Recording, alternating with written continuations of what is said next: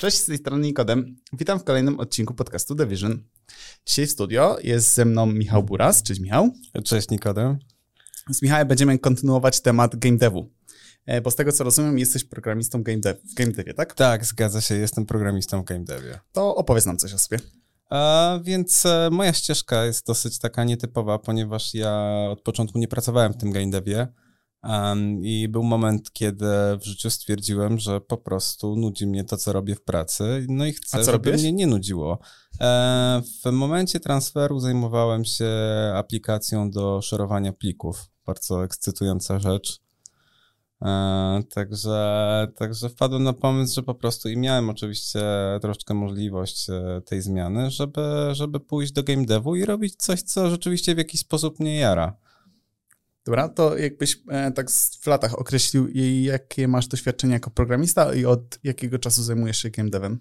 Myślę, że połowa mojej kariery, czyli 4-5 pierwszych lat, to było po prostu jakieś zwyczajne C w, w branży, czyli od jakichś aplikacji webowych dla użytkowników, poprzez jakieś drivery do dysku twardego, do, do aplikacji, które szerują pliki w cloudzie.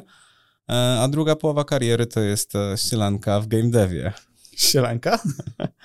No, sielanka w takim sensie, że naprawdę troszkę inaczej się jakby wstaje do pracy z myślą, że o ja zrobię jakiś fajny feature, teraz postać będzie biegać po ścianie, nie? To jest e, co wiele fajniejsze, bo sam się ekscytujesz tym, bo, bo trochę czekasz na to, jak ta gra się rozwinie. Oczywiście jeśli lubisz grę, którą robisz, bo też się zdarza, że nie zawsze wszyscy robią gry, które lubią. Dlaczego podjąłeś taką decyzję? Dlaczego podjąłem taką decyzję? E, miałem przede wszystkim, dostałem propozycję, ponieważ moje doświadczenie zgadzało się z doświadczeniem, którego wymagał klient. E, I w tym momencie znałem się trochę na backendach, na cloudach i tego akurat potrzebowali. E, no i dosyć nudziłem się tym, co mam zrobić w obecnej pracy, a raczej, a raczej produktem. Nie zawsze produkt cię ekscytuje. No, więc jeśli jest możliwość zmiany i robienia czegoś, co cię naprawdę jara, no to, to, no to trzeba to zrobić. Dobrze, e, to tutaj nasuwają mi się dwa kolejne pytania. Po pierwsze, jeżeli chodzi tutaj właśnie o tą okazję, e, że mogłeś się przebranżowić, bo mieliśmy okazję już rozmawiać e, wcześniej o game devie. Rozmawialiśmy z naszym gościem Moniką, która opowiadała nam, że bardzo często jest tak, że poszukiwani są ludzie z konkretnym set skillem, z konkretnymi kompetencjami i ciężko się przebranżowić czasami z jakiejś innej technologii właśnie do game devu. Mhm. E, więc jest część wspólna pomiędzy game devem a, a tym, co, co się robi normalnie w branży. E, no i to jest to, że wszystko w tej chwili jest e, online. I jak się zastanowisz nad tym, nawet kupisz sobie taką grę od polskiego Techlandu, nazywa się Dying Light, no mhm. to Dying Light ma tryb kooperacji. Wszystkie gry praktycznie na Steamie mają w tej chwili e, achievementy, czyli jest bardzo dużo pracy do wykonania w tej kwestii online'owej, jakichś backendów i takich rzeczy. I to są bardzo pożądane rzeczy, bo ludzie, którzy są programistami gameplayu, E, i bardzo dobrze znają Unreal Engine, niekoniecznie znają się na backendach. I to było takie troszkę wejście dla mnie do branży, e, gdzie oni potrzebowali takiego gościa, który ogarniał C, ogarniał backendowe rzeczy e, i przy okazji chciał się nauczyć silnika Unreal Engine. No i tak też się stało. Okej, okay, a w takim razie zajmując się tymi takimi dodatkowymi zadaniami, powiedziałbym pobocznymi, bo w zasadzie to nie, nie wpływa na samą rozgrywkę, takie powiedzmy achievementy. E, no to ja kojarzę z gier, że to gdzieś tam się wyskakuje w trakcie, gdy coś zrobiłem, ale w żaden sposób nie, nie wpływa na samą grę. Czy te dodatkowe zadania e, też jakoś rozwijały cię w branży game devowej? W sensie mogłeś się później pochwalić w CV jakimś nową umiejętnością, jakąś technologią? Tak, zgadza się, bo to nie jest tylko tak, wspomniałem o achievementach, ale jeśli mhm. o tym pomyślisz, grasz sobie na przykład w, w World of Warcraft, wylogowujesz się z gry, no to ta postać musi gdzieś te wszystkie itemy, których zebrałeś, całe, całe, całe, całe jakby zestaw informacji e, o, e, o twojej postaci musi gdzieś zostać zapisany. No i w tym momencie backend się tym zajmuje. E, i postać jest tak naprawdę zrzucana do tego backendu i, i potem jak się logujesz drugi raz, to na innym komputerze to masz te same itemki, jest twój ulubiony tam elf, e, więc e, te zadania, które wydają się poboczne, tak jak poprzedniej wypowiedzi, no one wcale nie są poboczne. Tak naprawdę robisz de facto coś, co bardzo mocno wspiera e, taki, nazwę to, to angielskim frazesem core, core gameplay. Okej. Okay. Dobrze, to wracam teraz do poprzedniej wypowiedzi, gdzie powiedziałem, że mam dwa pytania. To mhm. pierwsze już zadałem, a drugie pytanie powiedziałeś tak ładnie, że zmieniałeś projekt na coś, co, co cię jara, coś, co ci się bardzo podoba. E, rozumiem, że jesteś graczem, takim zapalonym graczem i stąd była taka, taka miłość do gier i rozwijania takiego produktu, a nie innego? No trochę tak, chyba każdy facet dorosły tak naprawdę jest dużym dzieckiem, które po prostu się nagle budzi i ma 30 parę lat, więc jakby e, jeśli, jeśli dostałem ofertę z game devu, no to, to, to byłem po prostu bardzo mocno zachwycony. Też kwestia jest taka, że praca w game devie umożliwia ci trochę zabawkę najnowszymi technologiami. Często jak idziesz, jesteś programistą w jakimś na przykład banku, no to bank ma swoją aplikację, którą rozwija od 100 tysięcy lat. No i tam te technologie no nie zawsze są najnowsze, nie zawsze się bawisz fajnymi rzeczami. E, a, a w game devie, jak pracujesz na przykład z Unreal Engine, to de facto każda gra chce dorównać najnowszym tytułom branży. Wszystkie najnowsze tytuły w branży będą korzystać ze wszystkich najfajniejszych zabawek, które na przykład takie Unreal Engine daje. Więc to jest fajne, bo jesteś na takiej e, pierwszej linii e, developmentu fajnych rzeczy. Więc jakby wszystko się spina. To jest ten, jest ten dzieciak, który trochę chce pograć w gry, jest ten poważny inżynier, który tak naprawdę chce rozwijać e, rozwijać świat w pewnym sensie. Czy grasz w grę, którą tworzycie? Wręcz jest e, to moim obowiązkiem w pracy, żeby pograć w grę, którą tworzymy. Wynika to z tego, że jak tworzymy produkt, no to musimy zrozumieć, czym on jest i czego mu brakuje. E, co prawda, za, za tworzenie gry, jakby za, za narzucenie głównego nurtu, czym będzie ta gra, e, odpowiadają game designerzy. E, no to deweloperzy też dają swój input, co jest możliwe, co nie jest możliwe. Czasami coś, co sobie wymyśli game designer z powodów technologicznych, musi zostać lekko zmienione i w tym momencie wchodzi deweloper, który ma tą jakby tą moc sugestii, że ej, zróbmy to jednak w taki sposób, bo to po prostu będzie lepsze z perspektywy gracza. Czy, czy mógłbyś podać przykład? Bo to brzmi tak dosyć ogólnie, a gdybyśmy mieli sprecyzowany przykład, to fajnie by było. Mhm, Widzicie, jak to mhm. wygląda. Więc e, tworzyliśmy, tworzyliśmy ślisk postaci e, i z powodów ograniczeń, powiedzmy, e, silnika fizycznego, który, który używaliśmy do, do, do tego ślizgu, on kończył się w pewnym momencie i, no i zasugerowaliśmy game designerowi, żeby postać się ślizgała jakby pod górę i to będzie bardziej efektowne i, i będzie po prostu fajniejsze. Okej, okay, czy to jest taka tak zwana jedna, jedna ze sztuczek, które używają programiści do obejścia ograniczeń silnikowych? Przykładowo no, są takie dosyć znane sztuczki, które były używane, na, jak na przykład w Half-Life, gdzie samym pojazdy to były tak naprawdę olbrzymie kapelusze, czy tam głowy jakichś NPC-ów.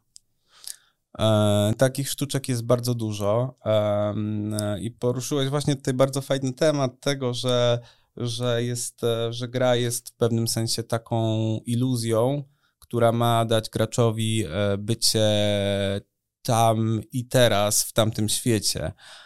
I gracz oczekuje pewnych zdarzeń, że będą działały na przykład jak w prawdziwym świecie, e, a, a to wszystko nie jest w 100% jakby policzone. Podam przykład, na przykład gracz bierze kamień, rzuca w okno, oczekuje, że, że szyba się zbije i kawałki szkła spadną na ziemię. I to się w grze dzieje, ale my nie możemy, nie mamy na tyle zasobów e, obliczeniowych, żeby policzyć, w którą stronę poleci ka każdy kawałeczek szkła, więc stosujemy jakąś tam aproksymację do tego, która e, mózgowi gracza mówi, że to się stało, a w rzeczywistości jest to bardzo, bardzo mocne przybliżenie. Albo pamiętam, jak bardzo byłem zszokowany, jak e, poszedłem do jednego projektu i robiliśmy symulację świata.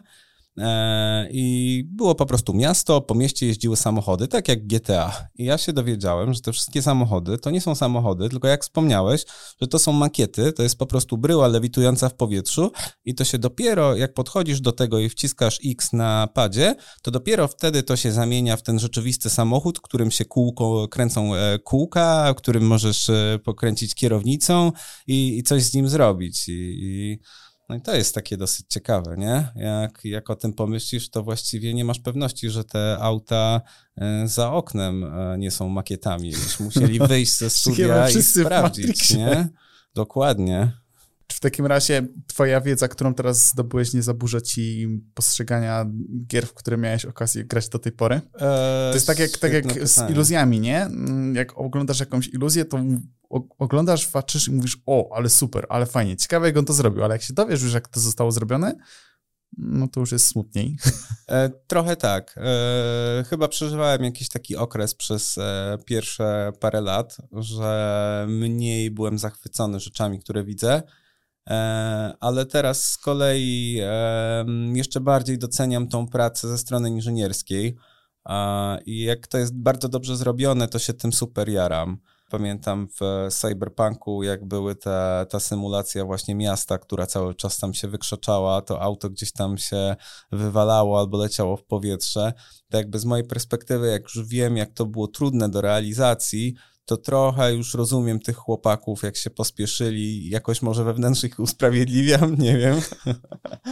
Ale byłem tam i, i, i wiem, no, trochę wiem, jak to się, jak trudno to zrealizować, żeby rzeczywiście to było dobrą iluzją. Oczywiście to nie jest tak, że wszystko, e, co robimy, jest oszukiwaniem gracza. Tam się dzieją prawdziwe rzeczy też. Nie, nie, nie. To wydaje mi się, że to nikt tutaj czegoś takiego nie zarzuca, bo no tak, myślę, że większość rzeczy jest jednak zaimplementowana tak, jak jest widoczna, ale uważam, że takie właśnie sztuczki, czy tak jak mówisz, iluzje, są bardzo ciekawym rozwiązaniem albo bardzo ciekawym obejściem niektórych problemów, które się pojawiają w trakcie fazy de developmentu. Wracając do początku naszej rozmowy, tak jak mówiłeś, wcześniej zajmowałeś się zupełnie innym typem programowania. Jak oceniasz, czy trudne było takie przejście z takiego bycia programistą do, do game devu? Wiesz co, najtrudniejsze w tym wszystkim chyba było takie zrozumienie koncepcji, że robisz coś zupełnie innego. Jak podałem przykład z tą iluzją, co mieliśmy tą właśnie fajną dyskusję na temat tego, czy coś jest prawdziwe, czy nie jest prawdziwe, a na ile to powinno być prawdziwe, E, to, to jest właśnie nowa rzecz, której nie było w, nigdy w, w, w programowaniu dla, dla zwyczajnych, powiedzmy, klientów. E, zawsze jak, nie wiem, klikasz jakąś formatkę bankową, to tam nie ma aproksymacji, ile masz mniej więcej na koncie. Musisz mieć dokładnie pokazane, ile masz na tym koncie, prawda? E, I czas wtedy nie gra roli, bo, bo tobie jakby no aż tak nie robi, jak wchodzisz na stronę swojego banku, czy ona się załaduje w 2 sekundy, czy w 1,7, aż tak nie jest ważne, podczas kiedy w grach jest.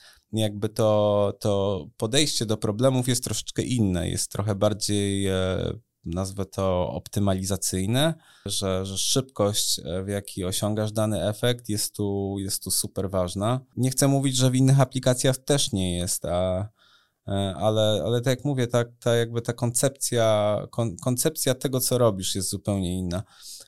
E, ja, ja się z, mhm. zupełnie na z zgodzę. Mhm. Obecnie jestem programistą, pracuję w, web, w webówce Mhm. Więc tak jak mówisz, to jest tak, że klient wchodzi na, na stronę internetową i to, czy mu się załaduje tam w 5 sekund, czy w 2, to jest ok. Byleby się jakoś ładnie wyświetliło, że dane się ładują i tak dalej. E, natomiast tak jak mówisz, e, w game devie bardzo istotna jest e, optymalizacja i przykładowo, gdybym grał w grę i coś co chwilę bym miał jakieś takie lagi, czy coś bym miał, widział, że przedmioty mi przeskakują po ekranie, no to odbiór takiej gry byłby bardzo nieprzyjemny. Więc tak, ja, ja implementując jakieś rozwiązania e, dla mojego klienta, nie będę się tak bardzo przejmował optymalizacją. Podobnie będzie w przypadku review, gdzie koledzy będą robić, e, czy koleżanki sprawdzać mój kod. Też ta optymalizacja, wiadomo, że fajnie zawsze zaimplementować coś bardziej optymalnie niż, niż mniej, ale nie jest to tak bardzo istotne. Natomiast jak to było, jak zaczynałeś e, swoją karierę w game a w sumie teraz też pewnie jest to istotne, e, jak na to, czy zwracasz na to uwagę podczas na przykład code review? Jak robisz code review, czy sprawdzasz, czy dane rozwiązanie jest optymalne, albo jak weryfikujecie, czy, czy macie jakieś takie triki na niektóre obliczenia? Bardziej bym powiedział, że to jest na, na poziomie koncepcyjnym rozwiązywane, bardziej niż e, jakieś małe lokalne optymalizacje mhm. jednej pętli. To ci za dużo nie pomoże, kiedy na przykład masz do narysowania na ekranie tysiąc modeli postaci. To tysiąc modeli postaci generuje tysiąc tak zwanych draw calli, czyli za każdym razem e, osobny call do, do drivera, żeby narysować to. E, I na przykład jedną z optymalizacji, jaką stosowaliśmy raz w projekcie, to było próba wciągnięcia tych wszystkich modeli postaci, zrobienia ich z niego jeden wielki model i wtedy zamiast tysiąca calli byłby tylko jeden call. I to są rzeczy, które, które, które rozwiązujesz bardziej na poziomie koncepcji niż na poziomie właśnie e, tej mikrooptymalizacji, gdzie ktoś ci powie, że zamiast e, e, zwyczajnego stringa, string stream będzie szybszy. Przepraszam, jeśli to jest zbyt techniczne, ale. Nie, nie, jest... nie. To, wiadomo, no, to tam już z zawiłości danego języka, ale myślę, że to jest raczej zrozumiane. zrozumiane. Tak jak ci powiedziałem, ja jestem web developerem. W web developmentie też mamy taki podział stricte backend, frontend, ale jest też taka rola jak full stack. Osoba, która będzie jednocześnie zajmować się trochę tym, trochę tym. Czy w game devie jest podobnie? Wiesz co, chyba właśnie się dowiedziałem, jak się nazywa moje stanowisko. Bo nie ma właśnie, nie ma takiego, e, nie, nie ma, nie, taki, taki termin jak full stack nie funkcjonuje w środowisku game devowym jest jakiś tam generalist, czyli właśnie gość, który jest takim full stackiem w obrębie silnika gry, jest online programerem, który ogarnia ten backend, a rzeczywiście jeśli, jeśli potrafisz robić wszystko, to prawdopodobnie jesteś gamingowym full stackiem, czyli trochę tak, mało jest takich ludzi, Zawsze są to, nie wiem, jakieś dwie osoby na firmę, które są na tyle elastyczne, że właśnie ogarniają ten web, mają jakieś tam doświadczenie przed tym i ogarniają jednocześnie na przykład e, Unreal Engine. I to w dużej mierze wynika z tego, że mm, branża gamingowa to jest bardzo dużo młodych ludzi, którzy od dziecka chcieli robić gry. Um, I to było na przykład takie, to była z ciekawych rzeczy, która, która mnie dopadła, znaczy nie dopadła, ale którą, z którą się spotkałem.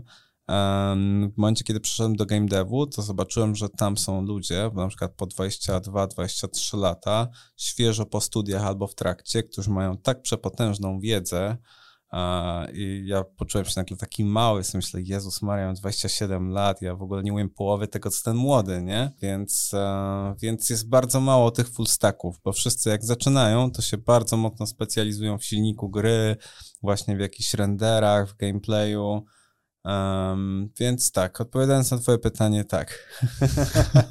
A ty, które zadania wolisz? Jak masz, jakbyś miał do wyboru, to wolisz e, siedzieć i zajmować się częścią backendową, czy bardziej tym już tym, co jest widoczne na ekranie? Mm, definitywnie tym, co jest widoczne na ekranie, e, ale mieszana praca też jest fajna. Już ostatnio mm, sobie wymyśliłem, że chcę się w jakimś sensie specjalizować w networku, bo do tego jakby backendu dochodzi coś jeszcze. Dochodzi to, że, że, że gra multiplayerowa no to jest z reguły architektura klient-serwer, gdzie masz serwer mhm. gry, który liczy tą logikę świata, liczy jakąś fizykę, no i wysyła to do klientów. No i jakby network, który jest pod spodem, cały, cały, cały mechanizm tego, że ty masz wrażenie, że ty jesteś w czasie rzeczywistym z tymi innymi graczami, to jest to, co daje ci tą imersję w grze. E, I mam teraz taką filozofię, że tak facto nieważne jaką grę robisz, to gra będzie tak dobra, jak dobrzy są e, network deweloperzy, którzy ją robią. Okej, okay, może mieć to jakiś sens. Na pewno chciałbyś, że, żeby, żeby gra była bardzo responsywna. Tak. To może grasz z jakimś ziomkiem z zagranicy. No właśnie. No i w gamingu takim klasycznym, tak jak mówisz o tych sztuczkach, to, to jest kolejna sztuczka gamingowa. Więc to jest to, że zawsze się robi predykcje w grach online'owych i tak naprawdę każda gra ci, ci ściemnia, że się poruszyłeś i zakładając, że jak wyślesz tą informację do serwera, to stwierdzi, że poruszyłeś się dokładnie tak samo. Więc no, zawsze jesteś od pół sekundy do tyłu za tym, co się dzieje tak naprawdę. No czasami przeglądam sobie Instagrama i widzę tam na przykład, nie wiem, jakieś takie screeny z Lola, e, gdzie ludzie wyłapują, że no gra w jakiś sposób dziwny zadziałała, że niby, niby przeciwnik próbuje złapać moją postać tu, gdzie moja postać stoi tu, i nagle jest złapana. No nie, nie wiadomo skąd to się wzięło i dlaczego. I teraz się zastanawiam, czy takie błędy właśnie nie wynikają z tego takiego, e, tego o czym wspomniałeś, przewidywania ruchu gracza. Dokładnie tak. Przewidywanie versus synchronizacja świata to jest po prostu problem, który od początku gamingu e, próbujemy rozwiązywać. E, i, I nie ma idealnych rozwiązań na to. E, tu jako taką ciekawostkę mogę powiedzieć, że jedna właśnie z, z gier, która ma tryb kooperacyjny, nie mogę powiedzieć dokładnie która, bo to jest chyba już podjęte, objęte NDA-em, um, dropuje na przykład 60% pakietów, które wysyła klient. Ja też właśnie dokładnie tą samą minę miałem, prawda? Przecież jak ty robisz normalną aplikację, prawda? Pracujesz w normalnej firmie, robicie jakiś tam CRM dla firmy X i mówisz szefowi, no spoko, robiłem ten feature, on czasami dropuje pakiety, ale generalnie git. jak, jak kliknie trzy razy, to dojdzie. Jestem w ciężkim szoku w ogóle. Co, co, co tu się w ogóle wyprawia?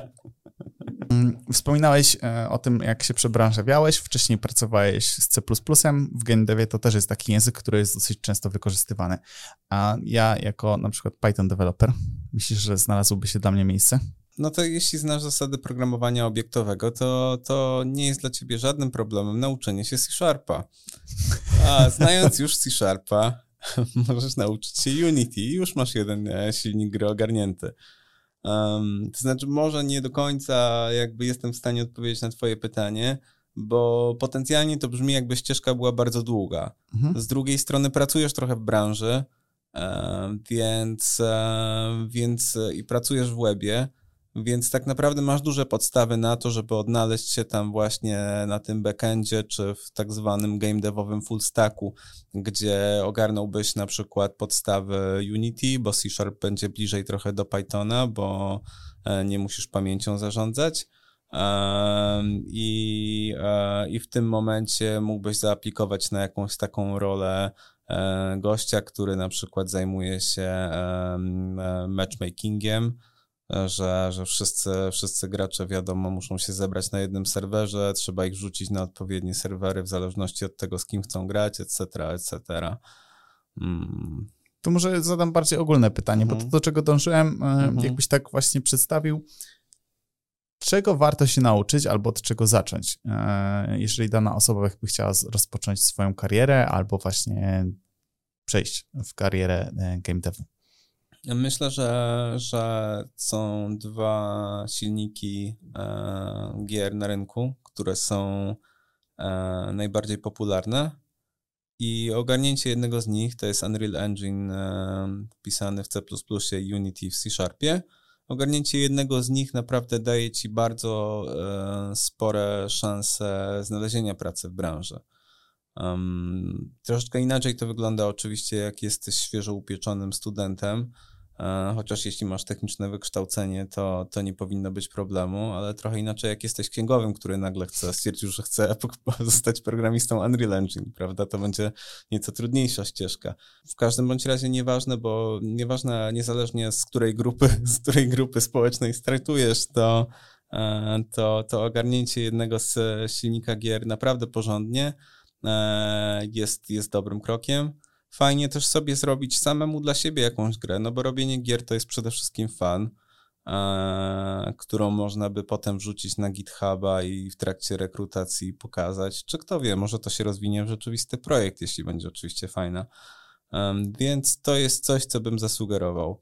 Jeśli chcecie pójść w networkowe gry, no to no to, to bardzo, bardzo fajne jest na przykład dla Unreal Engine jest taki PDF Cedrix e, Network Compendium i tam jest bardzo rozpisane, czemu Unreal ma jakieś swoje narzędzia, klasy i jakich używać, żeby rzeczywiście trzymać się powiedzmy takiej e, zasugerowanej przez Epic Games architektury gry multiplayerowej.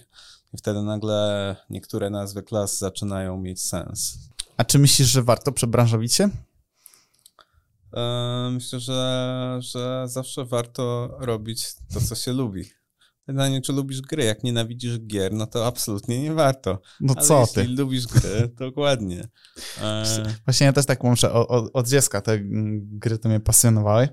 Zawsze lubiałem sobie pograć, ale też jako dziecko tam gdzieś jakieś miałem pomysły i z kuzynem próbowaliśmy sobie stworzyć jakieś nasze, nasze gry. No tak średnio to wychodziło i, i mało, mało, by, mało by ambitne, ale, ale zawsze był taki temat dla nas e, bardzo interesujący i gdzieś tam w przyszłości sobie marzyłem, że o, może bym został programistą game devu. Wtedy nie wiedziałem, że tak się to nazywa, ale gdzieś tam za mną to chodziło. Mm, Wiesz, e, fajną rzecz tutaj poruszyłeś właśnie, że jak jest się bardzo młodym i się wpada na pomysł, o kurde, zrobię grę i potem się okazuje, że przydałby się na pełen etat artysta jakiś designer leveli i tak dalej, i tak dalej. I, i, I może dlatego to nigdy nie ma aż tak dużego efektu, bo jako człowiek pojedynkę nie masz, nie masz takich zasobów, żeby zrobić coś naprawdę super. Mój kolega właśnie, mój kolega, który nie jest de facto z game devu, on cały czas mi mówi, o Michał, ty jesteś kreatywny, zrób grę, nie? Ja mówię, stary, to są po prostu tysiące, miliony roboczych godzin pracy, które by trzeba rozłożyć na wielu ludzi, żeby coś rzeczywiście fajnego zrobić.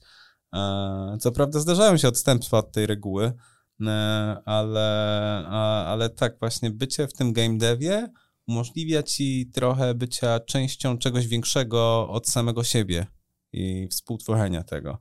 I jakby o wiele bardziej czuję ten, ten, ten, ten wpływ na ten produkt z, z, z mm, właśnie z game developmentu, e, niż jak na przykład pracowałem w, mm, e, w Intel Corporation w driverach do dysku twardego, gdzie tak, rzeczywiście był jakiś fragment kodu, który napisałem, który w tej chwili odpala się na każdym komputerze na świecie, ale właściwie tego wymyślił James Boyd ze Stanów Zjednoczonych i właściwie to kazał mi go e, zaprogramować mój menadżer Paweł i właściwie to ja jedyne co zrobiłem to przestawiłem karton z jednego pomieszczenia na drugie pomieszczenie, do drugiego pomieszczenia. Także, także w game devie o wiele bardziej można e, mieć ten wpływ na to, czym, czym będzie ten produkt. Bardziej się jest To znaczy, jako programista Mhm. też masz wpływ na jakieś konkretne rozwiązania albo coś, co będzie wpływało na, na samą grę? E, tak, w sensie masz, masz odgórnie narzucony, powiedzmy, główny nurt, którym się, którym cały projekt podąża. E, I on jest jakby narzucany przez game designerów. E, ale ty jako deweloper możesz powiedzieć, że stary, no to jest bez sensu. Zrobiłem to tak, jak chciałeś i to jest bez sensu, bo to po prostu postać się porusza sztywno i powinniśmy jej trochę zluzować ruchy, tak żeby mogła swobodnie przechodzić pomiędzy wrogami, a nie tylko podchodzić do wrogów, którzy są zaznaczeni na czerwono. Jak najbardziej game designer, jeśli masz rację, prawdopodobnie się z tobą zgodzi, no chyba, że jest strasznym zgredem. A co sądzisz o rynku pracy w game devie? Dużo jest ofert? Mm, W tej chwili dostaję kilka ofert e, tygodniowo jako gość, który zajmuje się Unreal Engine'em od około 5-6 lat. E, I jak pojawiły się te wszystkie layoffy i, i cała recesja, zwalnianie ludzi w branży IT, to absolutnie tego nie odczułem z punktu widzenia LinkedIna. Być może, że to jest po prostu jakiś tam czas propagacji fali i to dopiero dojdzie, ale e, z mojego punktu widzenia gry to jest jednak taka fajna, dosyć tania rozrywka i nawet jeśli była pandemia i cały świat się w pewnym momencie zatrzymał, no to ludzie dalej kupowali te gry, bo wiadomo, można sobie odpalić w domu. Postrzegam rynek game devu jako dosyć niezniszczalny, bo nawet jak przyjdzie kolejna pandemia, ludzie zawsze będą chcieli mieć tą rozrywkę w domu. Ludzie zawsze będą oglądać telewizję, Netflixa i grać w gry. Fajnie, Michał, że wpadłeś, ale nie wiem, czy ci dziękować za ten podcast, bo zepsułeś mój świat gamingowy teraz. Będę, będę grał, jak będę widział bugi, to będę się zastanawiał, z czego one wynikają. Możesz też pomyśleć, jak bardzo to musiała być ciężka robota, że ten bug tam jest. Gdyby to było łatwe, to by ich nie było. Nie no, w sumie racja. E, tak naprawdę to dziękuję ci. Bardzo przyjemnie się z tobą rozmawiało. E, bardzo fajne tutaj takie ten, to, to tło, to, to co się dzieje pod spodem e, opisałeś nam i bardzo fajnie było dowiedzieć się, jak to wszystko w, ze sobą współgra. Także dziękuję. Dzięki bardzo. Dziękuję również naszym widzom i słuchaczom. Mam nadzieję, że odcinek Wam się podobał. Jeżeli tak, to zachęcam jak zwykle do pozostawiania komentarzy, lajków i subskrypcji. I widzimy się już wkrótce. Cześć!